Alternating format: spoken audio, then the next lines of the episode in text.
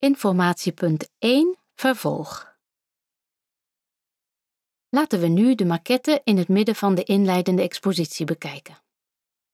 Deze maquette laat zien hoe door de eeuwen heen zout onttrokken is aan zult water. Het bovenste gedeelte laat het verdampingsproces zien en ook de opslag en het prepareren van de zoutblokken. In het lagere gedeelte zien we de onderaardse gewelven, waar het zoute water gewonnen werd, samen met de installaties die gebruikt werden om dit pekelwater naar de oppervlakte te brengen.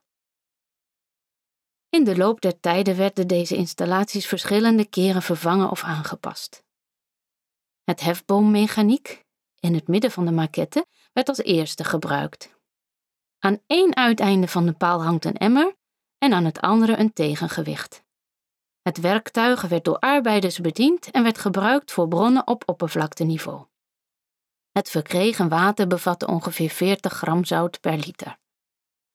In de 14e eeuw werd een systeem geïnstalleerd waarbij schepvaten aan een ronddraaiend rad het pekelwater in de onderaardse putten opschepte en naar boven brachten.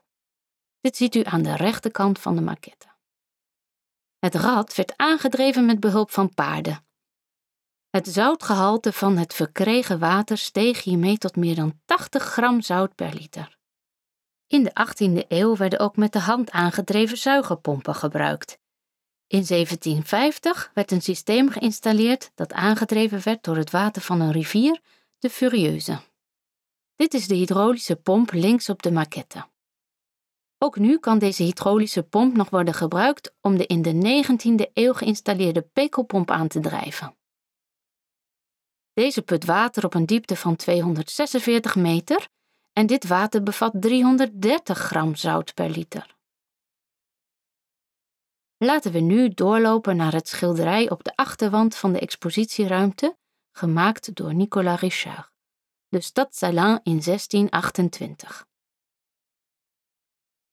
Dit schilderij geeft ons een goed beeld van de situatie van Salins in de 17e eeuw.